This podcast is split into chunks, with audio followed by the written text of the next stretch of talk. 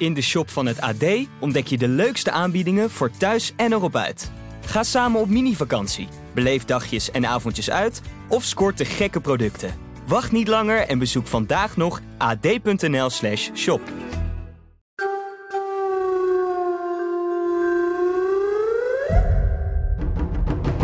staan de VVD en de groep demonstrant fucking alweer buiten de poort. Dat kan toch niet? Maar toen ging het hier helemaal mis op het stadhuis. Dat is ook waarom ik het OM echt super kneuzerig vind. Ze gaan er echt voor. Beluister de nieuwe afleveringen van O de Mos op ad.nl slash podcast of via je favoriete podcast app.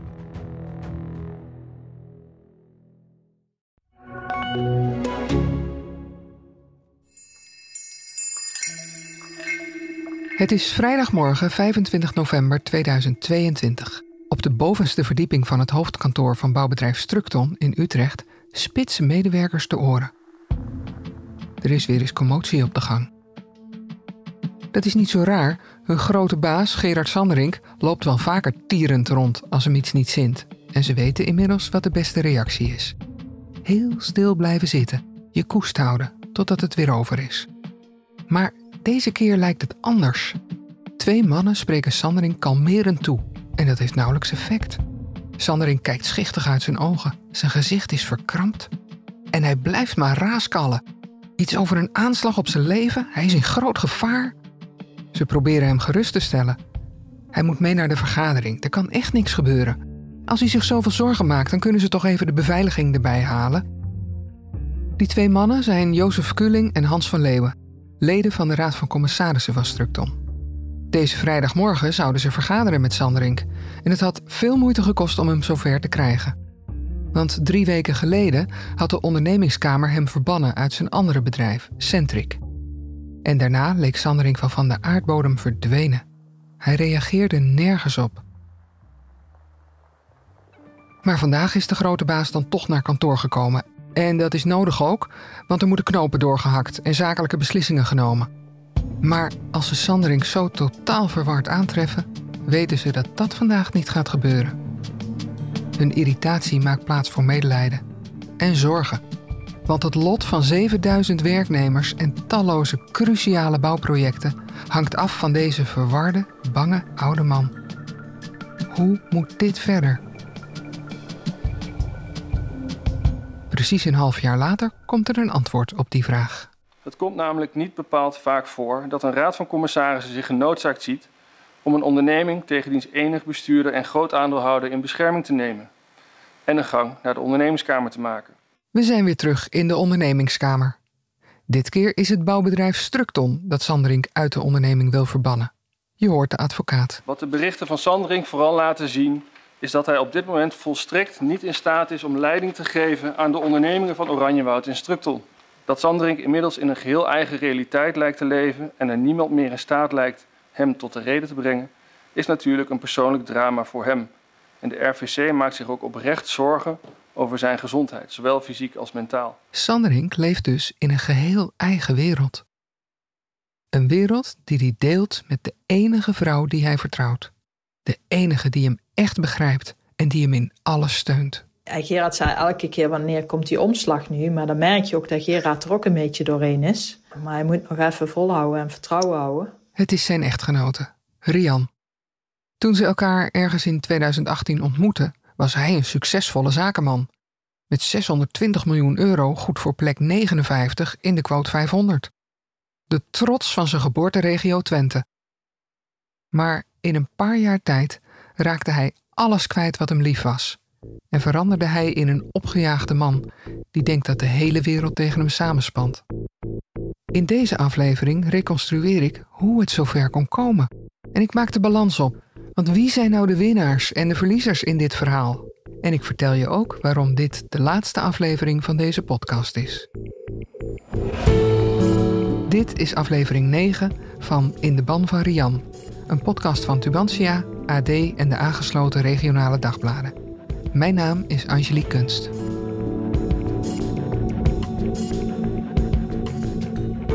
Toen ik vorig jaar samen met podcastmaker René van Heteren begon met deze podcast, hadden we geen idee hoe en wanneer het zou eindigen. De strijd tussen Gerard Sanderink en zijn ex Brigitte van Echten duurde op dat moment al drie jaar en het eind leek nog lang niet in zicht. Sanderink kwam steeds met nieuwe, bizarre beschuldigingen en weigerde zich aan gerechtelijke vonnissen te houden. Hij werd gedwongen zich uit al zijn bedrijven terug te trekken, maar keerde via de achterdeur net zo makkelijk weer terug. En ondertussen versleet hij minstens 14 advocaten. Maar blijkbaar wordt in de zomer van 2022 het punt bereikt waarop iedereen zich realiseert dat het zo echt niet verder kan. Na kamervragen van Pieter Omzicht komt het Openbaar Ministerie in actie. Justitie begint een onderzoek bij Centric. Maar Gerard Sanderink vecht terug. Natuurlijk vecht hij terug, want hij weet zo zeker dat hij gelijk heeft. Hij riep het al een keer eerder in de rechtszaal. Ik weet dit zo zeker, ik verwet er mijn vermogen onder. Dat waren profetische woorden. Want dat is precies wat er nu gebeurt. Hij zette zijn hele vermogen in op zijn eigen gelijk en dreigt dat nu te verliezen. Terwijl Gerard Sanderink zijn levenswerk voor zijn ogen ziet afbrokkelen en al zijn vertrouwelingen verliest, is er dus één vrouw die hem trouw blijft. Zijn echtgenote Rian. Gerard is gewoon een heel lieve man. Ze steunt haar Gerard in deze moeilijke periode door dik en dun. Je ziet het op de foto's in de krant. Samen lopen ze hand in hand het gerechtsgebouw in en de pers tegemoet. Ze kijkt trots naar hem. En in de rechtszaal zie ik hoe ze hem over zijn arm aait en tijdens de schorsing bemoedigende woordjes in zijn oor fluistert. En ze is erbij als haar Gerard in maart van dit jaar door de Raad van Commissarissen van Structon op het matje wordt geroepen. Ze willen hem op een zijspoor zetten. Maar dat laat Rian niet gebeuren. Hoor hoe fel ze haar Gerard verdedigt. We hebben al eh, alles bij de advocaten liggen en er komt een strafrechtelijke aangifte voor misleiding en, En bedrog. van 80 miljoen euro. Ja. Hier kan niemand omheen, zeiden de advocaten. Ja. En je leest die onvoorwaardelijke steun ook in haar berichten. Zo stuurt ze bijvoorbeeld een dreigend appje aan een van de commissarissen van Structon. Gerard gaat niet terugtreden en kijken hoe jullie zijn levenswerk te gronden gaan richten. Er gaan privé aansprakelijk instellingen en een strafrechtelijke aangifte volgen. Ah, dat is de Rian die we kennen. Want ik vertelde het vorig jaar al in aflevering 1 van deze podcast. Angst aanjagen is het kenmerk van de methode van Rijbroek. Het begon allemaal klein, bij de bouwbedrijven. Weet je nog wat ze de Brabantse bouwondernemer Mario vertelde? Uw administratie en de manier van werken is enorm fraudegevoelig. De cultuur in uw bedrijf is negatief. En ook bij het Twentse bouwbedrijf van Willem was het helemaal foute boel. Uit voorgaande feiten en rapportages blijkt dat de getrouwheid van de jaarrekeningen van uw ondernemingen er niet is. En het risico voor bestuursaansprakelijkheid is enorm. En in 2018, bij haar nationale doorbraak bij Nieuwsuur, werd het al wat grootser. Zo joeg ze de kijkers de stuipen op het lijf met haar verhalen over cyberaanvallen. De aanvallen zijn groter, zijn geavanceerder. En het lijkt erop alsof iemand de beveiliging van de banken in dit geval, van de Belastingdienst in dit geval, aan het testen is. En is er dan iets te zeggen over wie die iemand is? Je zag dat er codes bij banken binnen zaten, Russische en Iraanse codes. En Noord-Korea. Dus er wordt gedacht aan hackersgroepen uit, uit die drie landen. Ook minister Grapperhaus van Justitie werd flink bang gemaakt. Een levensgevaarlijke moslimsecte dreigde Nederland te infiltreren. Oman Sezai is imam. Hij is de geestelijk leider van Van Echten, Angelique Kunst, de dochter van Angelique Kunst en Silameh Al-Fusaini. Hij is een moslimleider. En de moslim ISA waren bezig om via Van Echten de Nederlandse infrastructuur over te nemen. Oh ja, dat wist je nog niet. Dit mailde Rian dus serieus aan de minister van Justitie. Ik zou samen met mijn dochter en Sanderings ex Brigitte van Echten in een gevaarlijke moslimsecte zitten. Ja, je hoort nog eens wat als onderzoeksjournalist. En ik ben nog altijd benieuwd wat ze op het ministerie met dit soort mails doen.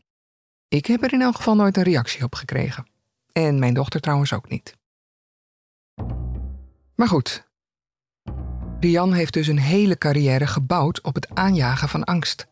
En bij niemand pakte dat zo desastreus uit als bij Gerard Sanderink. Al kort na hun eerste ontmoeting maakt Rian Gerard wijs dat zijn topmensen onbetrouwbaar zijn. Ze manipuleren de jaarcijfers om aan hoge bonussen te komen. En zijn accountants hebben grote blunders begaan. Hij belde er in februari 2019 over met Brigitte van Echten. We mogen het origineel niet gebruiken, dus je hoort een stemacteur. Ze heeft ook de jaarrekening van Structon gehad. En ze zei, hier klopt niets van. En, en, en daarin had ze nog gelijk ook. En daarna slaat Rian ook alarm over de jaarrekening van Centric. Er moet een aanpassing komen op de jaarrekening 2018 omdat er te grote afwijkingen zijn vastgesteld. De jaarrekening 2018 geeft geen getrouw beeld van de werkelijkheid en moet dus aangepast worden. Sandering gelooft haar beschuldigingen blindelings en wil actie. Maar dat pikken de accountants niet. Grote kantoren als EY en PwC zeggen de samenwerking met Centric op. Want als jouw top-experts maanden bezig zijn geweest met een gecompliceerde jaarrekening van een multinational, dan laat je je niet door een ZZP'er met een boekhouddiploma vertellen dat je prutswerk hebt geleverd. Het gedoe brengt Sanderings ondernemingen in grote problemen. Want zonder accountants geen jaarrekening. En zonder betrouwbare jaarcijfers haken verzekeraars en banken af. En die partijen zijn juist onmisbaar voor het functioneren van miljoenen bedrijven als Centric en Structon. En Rian gaat steeds een stapje verder met haar bangmakerij. Zo maakt ze Sandering wijs dat zijn leven gevaar loopt in Saoedi-Arabië, waar hij regelmatig heen moet voor een groot bouwproject van Structon. Hij zegt daarover in 2019 in een telefoongesprek: Ik heb weer beveiliging. Ik zit nu weer in Riyadh. Ik heb weer beveiliging. En ik kan je ook zeggen waarom. Ik heb ruzie met, met, met, met, met twee agenten. Ik heb ruzie over 25 miljoen. 25 miljoen. Maar gelukkig, Rian heeft vrienden bij een veiligheidsdienst die hem kunnen beveiligen. Rian is tig keer in Iran geweest. In Iran! En daar is daar iemand op afstand of ze veilig is of niet. Er zijn al speciale technieken om het land weer uit te komen. En zij weten precies, ik heb niet eens een telefoon nodig. Met mijn creditcard kunnen ze mij precies volgen. Ze weten precies, als ze het nummer van de creditcard hebben, weten ze precies waar ik ben. Ze houden het in de gaten. Ze, ze weten precies op welke locatie ik ben. Beveiliging via je creditcard? Hm, dat is wel heel geavanceerd. En ze heeft ook gezorgd dat zijn telefoon optimaal beveiligd is tegen vijandige aanvallen. Ik heb dus filtersoftware van McAfee, waaraan ik kan zien of in mijn telefoon dingen aanwezig zijn die je niet ophoren. Ik heb ontzettend veel tools op dit moment om te analyseren wat er op mijn telefoon gebeurt. McAfee, jawel, de beveiliging van topspionnen. Sanderink mag dan blindelings vertrouwen op de deskundigheid en de geheime informatiebronnen van Rian. De rest van de wereld is wel klaar met haar horrorcomplotten en haar fantasiefraudes. Ik zei het al, in de zomer van 2022 keert definitief het tij. Justitie laat weten dat ze een onderzoek begint naar de gang van zaken bij Centric. En dan is er geen houden meer aan. Sanderink lijkt niet in staat om het belang van Centric gescheiden te houden van zijn privébelangen en van zijn conflict met mevrouw Van Echt. Begin november wordt Sanderink door de ondernemingskamer verbannen uit zijn IT-bedrijf Centric. 20 geven de ondernemingskamer aanleiding te twijfelen aan het vermogen van meneer Sandring om rationele beslissingen te nemen in het belang van de onderneming. Dat betekent dat de ondernemingskamer met onmiddellijke ingang meneer Sandring schorst als bestuurder van Centric Holding BV. En alsof die klap nog niet genoeg is, volgt daarna de ene na de andere juridische dreun. De rechtbank Den Bosch vonnis dat Brigitte van Echten toegang krijgt tot de mails, geluidsbestanden en documenten die een jaar eerder bij Rian in beslag zijn genomen. In Den Haag beslist de rechter dat er geen enkele reden is om het zoveelste onderzoek naar Van Echten te beginnen, omdat niets erop wijst dat zij fraude heeft gepleegd. In januari besluit de ondernemingskamer dat Sanderink ook de zeggenschap over zijn laatste aandeel Centric kwijtraakt. De rechtbank Dordrecht vonnist dat er geen enkele reden is om te denken dat Brigitte van Echten de auto van Rian heeft laten saboteren door een deurwaarder.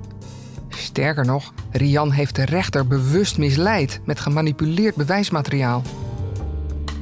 Even later oordeelt het gerechtshof Den Haag dat Sanderink nog eens 2,7 miljoen aan dwangsommen moet betalen aan Van Echten, omdat hij vonnissen heeft overtreden.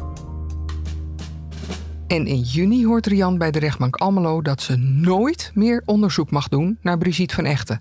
En dat zij en Structon een schadevergoeding moeten betalen. Klap na klap na klap dus. Maar de allergrootste dreun komt uiteindelijk niet van een rechtbank, maar van zijn eigen bedrijf. Voor de Raad van Commissarissen van Structon is in maart de maat vol. Sanderink moet opstappen. Volgens hen is hij geestelijk niet meer in staat om zijn bedrijf te runnen. Sanderink maakt ruzie met de accountant, ontslaat zijn financiële topman en blokkeert het aannemen van nieuw personeel. En dat terwijl Structon er financieel beroerd voor staat. Er is net bekend geworden dat ze over 2021 bijna 200 miljoen verlies hebben geleden. Dit kan zo niet langer, vindt de Raad van Commissarissen. Maar je kan wel raden hoe Sanderink hierop reageert. Er is geen vertrouwen meer in jullie. Snap je dat nou in je bovenkamer? Dat, is helemaal weg. Ik vertrouw jullie niet meer. Je hoorde aan het begin van de aflevering al een paar kleine stukjes uit het slecht nieuwsgesprek. En de opnames hiervan zijn door hem en Rian zelf verspreid, onder politici door het hele land. Ik laat hier nog wat stukjes horen, omdat ze duidelijk maken hoe hij en Rian verstrikt zitten in hun eigen verhaal. Onvoorstelbaar zijn. Hoe durf je te zeggen? Hoe durf je te zeggen? Hoe durf je te zeggen? Echt, sorry. Het is mijn eigendom waar je ongelooflijk veel schade aangericht hebt. Hoe durf je te zeggen? Durf je me nog aan te kijken? Ja, echt joh. Hoe durf je te doen? Hoe haal je het in je kop? Volgens Sanderink zijn het juist de commissarissen die moeten opstappen. Samen met de financiële topman en de accountant. Want die hebben allemaal samengespannen om hem te misleiden. En dan gaat het over een lening van 80 miljoen euro die Sanderink moet terugbetalen. Maar dat is hij niet van plan. En zijn juridische adviseur heeft het al helemaal uitgezocht. Alles is doorgesproken, ook met Gerard Sprong. Ja. En het is een zeer ernstige situatie, is gezegd. Sanderink dreigt dus zijn commissarissen te ontslaan, maar hij weet wat dat betekent. Nou, ik denk dat jullie naar de ondernemingskamer stappen. Veel succes. Hij doet net alsof hem dat niks kan schelen. Ik zie het gewoon gebeuren. En dan eh, ben ik wel bij de ondernemingskamer. Dus ik vind dat prima. Ik heb daar met volle vertrouwen. En ook zakelijk adviseur Rian is vol vertrouwen. Wij gaan deze keer met plezier naar de ondernemingskamer, want de feiten liegen er niet om. De situatie is zeer ernstig. Bedreiging en bedrog 80 miljoen euro. Dat is wat onze advocaten zeggen. Die grote dosis vertrouwen vind ik op zijn zachtst gezegd opmerkelijk. Na alles wat er met Centric is gebeurd. Zoals je net al hoorde, meldt Rian vol trots dat ze Gerard Spong heeft ingehuurd om deze zaak uit te vechten. Dat is een beroemde advocaat, beslist niet de eerste de beste. Dus ik ga toch maar even checken of dat klopt. Ja, hallo. Dag meneer Spong met Angelique Kunst van het Algemeen Dagblad. Welk gelegen? Het kan. Ja, wat wilt u vragen? Uh, ik heb vernomen dat u de nieuwe advocaat bent van uh, meneer Sanderink en mevrouw van Rijbroek. Klopt dat? Nou, het zijn wel cliënten van mij. Het zijn cliënten van u. Sinds wanneer, Ja. als ik vragen mag? Nou, dat onthul ik niet, liever niet. En, en, en mag ik vragen in welke zaken u uh, hun advocaat bent? Want dat is... Ik behandel alleen strafzaken, zoals u weet. Oké. Okay. Spong wil me niet vertellen over welke strafzaak het hier gaat. Maar ik vermoed dat het iets te maken heeft met misleiding, bedrog en 80 miljoen euro, waar je Rian net over hoorde. Nou ja, als deze topadvocaat hier bovenop zit, moet dat allemaal wel goed komen, toch? Maar het kan nog maanden duren voordat politie en justitie deze strafzaak grondig hebben uitgezocht. En intussen komt die zitting van de ondernemingskamer steeds dichterbij. Het echtpaar Sanderink heeft dan wel geroepen dat ze daar heel veel vertrouwen in hebben. Maar van de ene dag op de andere draait dat blijkbaar om. Want dan slingeren ze plots een bizarre theorie de wereld in. De rechters van de ondernemingskamer die zijn onderdeel van een complot. En niet zomaar één. Dit is verreweg het grootste en gevaarlijkste complot dat Rian ooit heeft ontdekt. Er is een heimelijke samenzwering gaande die tot doel heeft de Nederlandse staat omver te werpen. En dat draait allemaal om Rijderstvo. En die inhoud is catastrofaal voor de Nederlandse staat. Catastrofaal wat er allemaal gebeurd is. Schrijft u dat maar op. Catastrofaal. De Sanderings delen hun alarmerende ontdekking voor het eerst op 5 mei met accountantskantoor Mazars, de accountant van Structon. In een mail beschuldigen ze de ondernemingskamer en de top van Mazars ervan dat ze meewerken aan het witwassen van geld van de Russische maffia. Ik ben diep geschokt dat u als accountant, de Nederlandse overheid en de ondernemingskamer meewerken aan het systeem dat in het Russische criminele milieu bekend staat als Rijderstvo. In het Nederlands illegale overname van bedrijven voor het witwassen van gelden. Omdat ik ver weg wil blijven van deze witwaspraktijken, heb ik besloten mijn ondernemingen Centric, Antea Groep en Structon in afzonderlijke delen te verkopen. Dit om te voorkomen dat mijn ondernemingen in handen komen van de Russische maffia. In de dagen daarna krijgen steeds meer mensen mails over deze nieuwste complottheorie.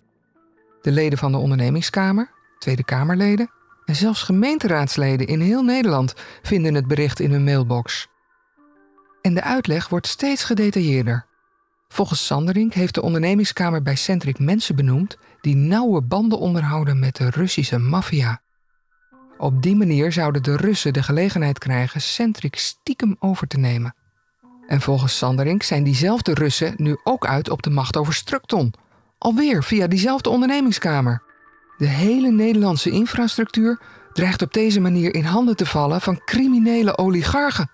Het is duidelijk dat de benoeming van een bestuurder met vermeende banden met een Russische oligarch een ernstige bedreiging vormt voor onze nationale veiligheid. De toegang tot gevoelige overheidsinformatie, het risico op economische spionage, de mogelijkheid van sabotage van vitale infrastructuur, politieke destabilisatie en georganiseerde criminaliteit, evenals de schending van onze nationale soevereiniteit, vereisen dringende actie. Ja, natuurlijk. Spionage, sabotage, destabilisatie. Mijn god, hier moet onmiddellijk worden ingegrepen. Maar wacht eens. Dit komt me zo bekend voor. Volgens Rian waren toch de Russen, Iran en Noord-Korea uit op ons bankensysteem? En uh, wilden staatshackers niet ooit onze industrie saboteren? Oh ja, en waren natuurlijk ook nog die moslimsecten die probeerden de macht te krijgen over onze infrastructuur. En nu zijn het dus criminele oligarchen. En het echtpaar Sanderink vraagt aan gemeenteraadsleden in onder meer Utrecht, Enschede, Groningen en Hengelo om hiertegen in actie te komen. Dat is toch wel bijzonder. Want Rian heeft toch zulke geweldige contacten met veiligheidsdiensten overal ter wereld? Dat zei ze onlangs nog bij de ondernemingskamer. Ik had informatie van de FBI en daar waren lijsten bij, IP-watchlisten. En daar stonden de IP-adressen op van de banken in Nederland, de datacenters van de overheidsinstellingen. Waarom de VVD in Groningen benaderen als je ook met de FBI kan bellen? En hoe zit het met haar machtige vrienden in de hackerswereld? Als je daar zo beroemd bent, wat kan een PvdA'er in Hengelo dan nog toevoegen? Maar aan het eind van de brief komt de aap uit de mouw. Geheime diensten en superhackers staan hier waarschijnlijk machteloos. Want er is maar één denkbare oplossing om een nationale ramp te voorkomen. Om zowel de belangen van nationale veiligheid als de zorgen van klanten en stakeholders te adresseren, stellen we voor dat u onmiddellijk gaat ingrijpen en ervoor gaat zorgen dat Sandrink als eigenaar tijdelijk weer als bestuurder van Centric wordt aangesteld. Ach, natuurlijk. Sanderink moet weer terug als bestuurder van Centric. Dan zijn we allemaal veilig. Ik ben reuze benieuwd hoe dit verweer gaat vallen bij de ondernemingskamer.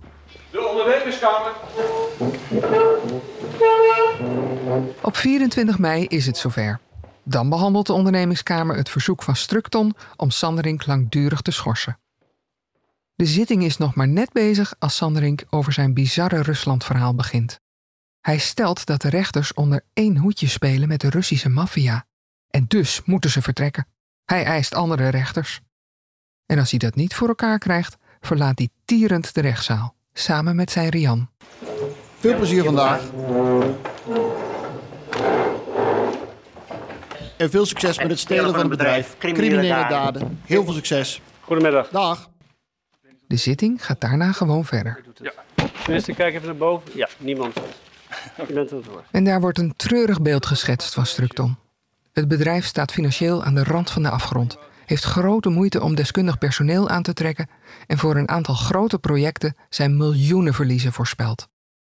In al die chaos heeft Sanderink dus ook nog eens met iedereen ruzie gemaakt, met de banken, de verzekeraars, de accountants. En die eisen dat hij zich nergens meer mee bemoeit, anders stoppen ze de samenwerking. En als die partijen zich terugtrekken, is Structon definitief ten dode opgeschreven. Als ruim een week later het vonnis komt, is het geen verrassing. De ondernemingskamer is in het licht van het voorgaande van oordeel dat er gegronde redenen bestaan voor twijfel aan een juist beleid en een juiste gang van zaken van Oranjewoud en Structon Groep die een onderzoek rechtvaardigen. Sanderink lijkt niet bereid of in staat om de gerezen problemen adequaat het hoofd te bieden. Sanderink blijft geschorst. Er komen nieuwe bestuurders en zijn aandelen worden op 1 na onder beheer gesteld. In het hele vonnis komt het woord rijderstvo niet voor. Wel noemen de rechters de Russische complottheorie van Sanderink, onsamenhangend.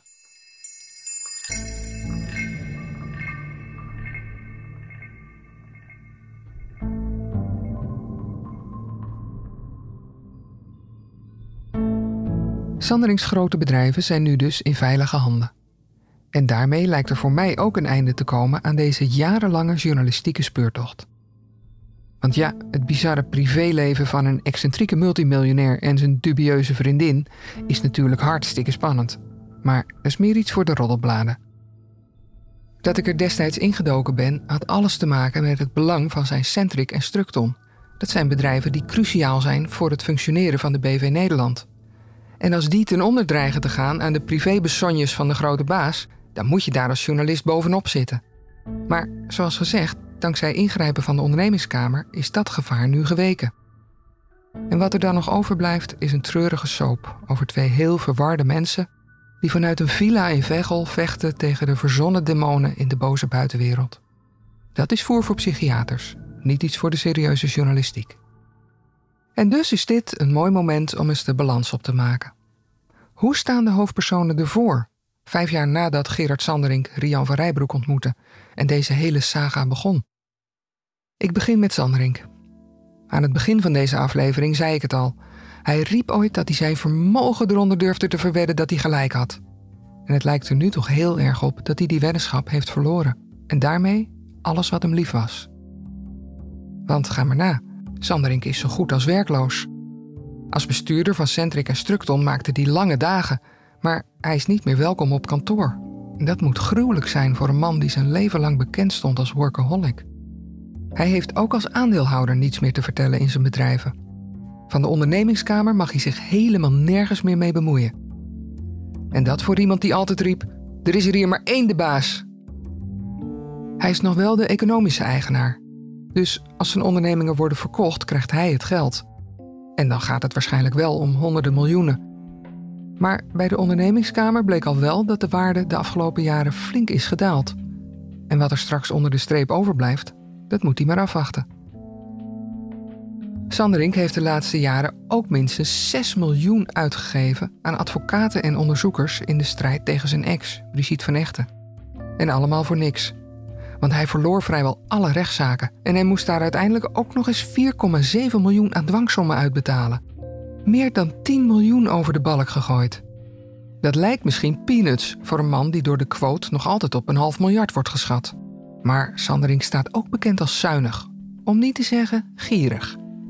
10 miljoen weggooien doet hem echt wel pijn.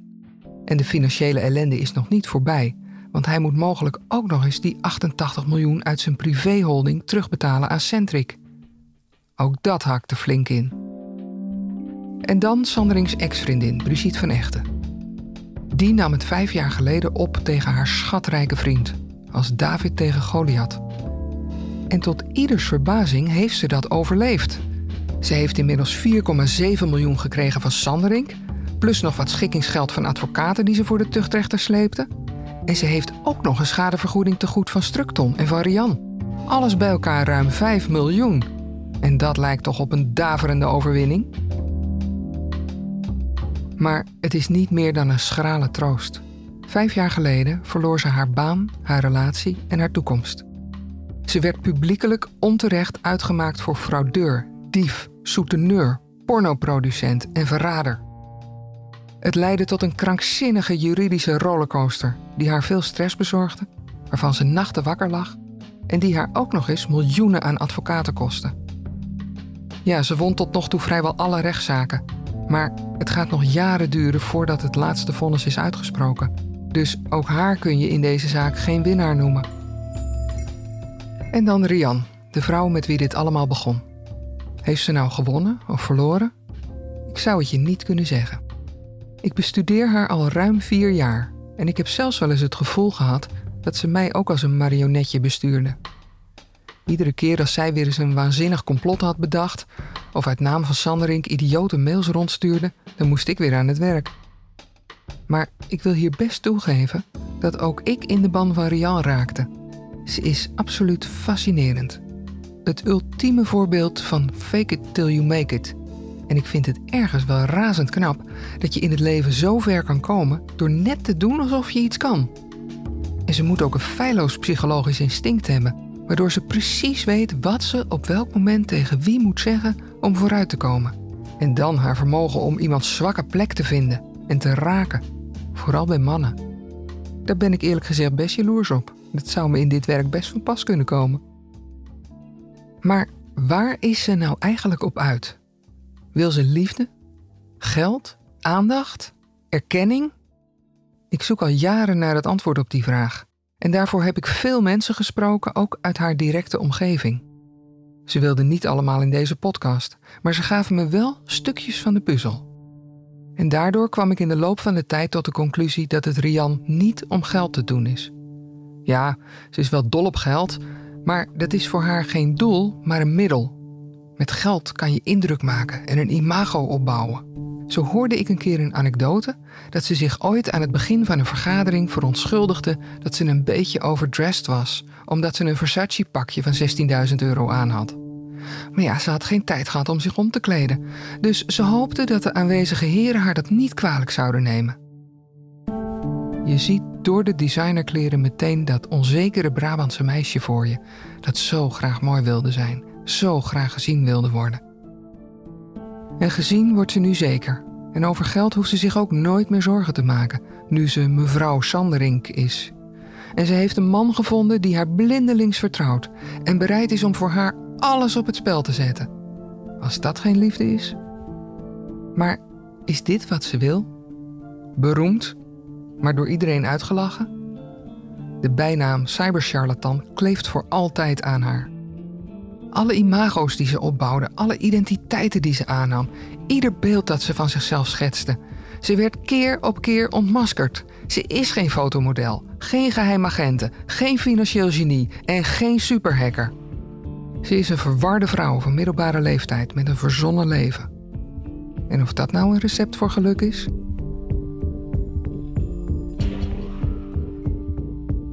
Ik heb haar voor deze aflevering voor de zoveelste keer om een interview gevraagd, omdat ik haar graag mijn vragen en mijn observaties zou willen voorleggen. Maar ze heeft opnieuw niet geantwoord. Dat is jammer, want ik weet dat ze minstens zoveel met mij is bezig geweest als ik met haar. Ze heeft onderzoek naar me gedaan, advocaten op me afgestuurd, aan rechters, ministers, politiemensen en mijn eigen collega's verteld hoe ongelooflijk onbetrouwbaar en corrupt ik ben. Daarover zou ik met haar ook wel eens een goed gesprek willen hebben. Maar dat gaat dus niet gebeuren. En daarom is dit de laatste aflevering van In de Ban van Rian. Er zijn wat mij betreft geen journalistieke redenen om nog langer op deze manier aandacht aan haar te besteden. Haar veten met de rest van de wereld is vanaf nu haar privézaak. Uiteraard blijf ik de ontwikkelingen rondom Sanderink en zijn bedrijven wel volgen. En als er belangrijk nieuws is, zal ik daar in het AD zeker ook over schrijven. Maar de podcast eindigt hier. Ik wil jullie heel hartelijk danken voor jullie aandacht. Wat ik uit de reacties begrijp, vonden jullie het net zo spannend om hier naar te luisteren als ik het vond om het te maken. Al weet ik uit betrouwbare bron dat er minstens één persoon is die het niet erg vindt dat we hiermee stoppen. Hoi. Had je die uh, onzin van die podcast uh, gelezen? En die wordt dan serieus genomen door het OM, hè?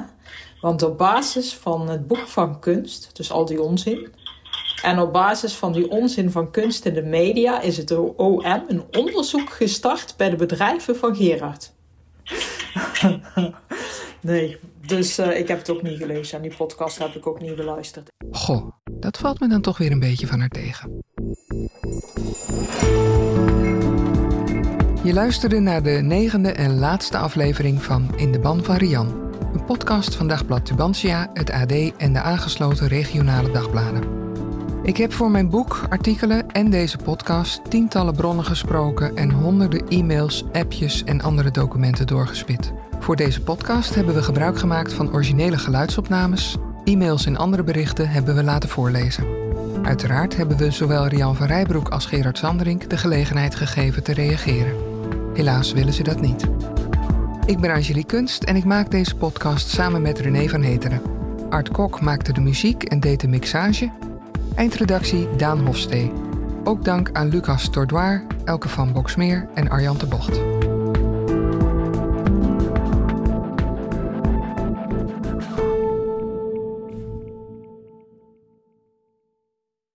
De politie is woensdagmorgen opnieuw binnengevallen bij camping, Fort Oranje. tussen Breda en Rijsbergen. Op camping Fort Oranje, tussen Rijsbergen en Breda, kwamen verschillende werelden samen. Er woonden zo'n 700 mensen. En bij de ingang stond een slagboom. Maar dat betekende niet dat het daar binnen veiliger was dan er buiten. Zo gaat de gemeente met mensen om! Hoe kon het in hemelsnaam zo ver komen? Ik verdik, dat was Kees Engels. Nou, en toen, nou, toen knapte er iets. Echt, ik ben ook op van de stress. Dit is De Erfenis van Engel. Te beluisteren via de sites van het AD, B en de Stem en de aangesloten regionale dagbladen. In de shop van het AD ontdek je de leukste aanbiedingen voor thuis en erop uit. Ga samen op mini-vakantie, beleef dagjes en avondjes uit of scoort de gekke producten. Wacht niet langer en bezoek vandaag nog ad.nl/shop.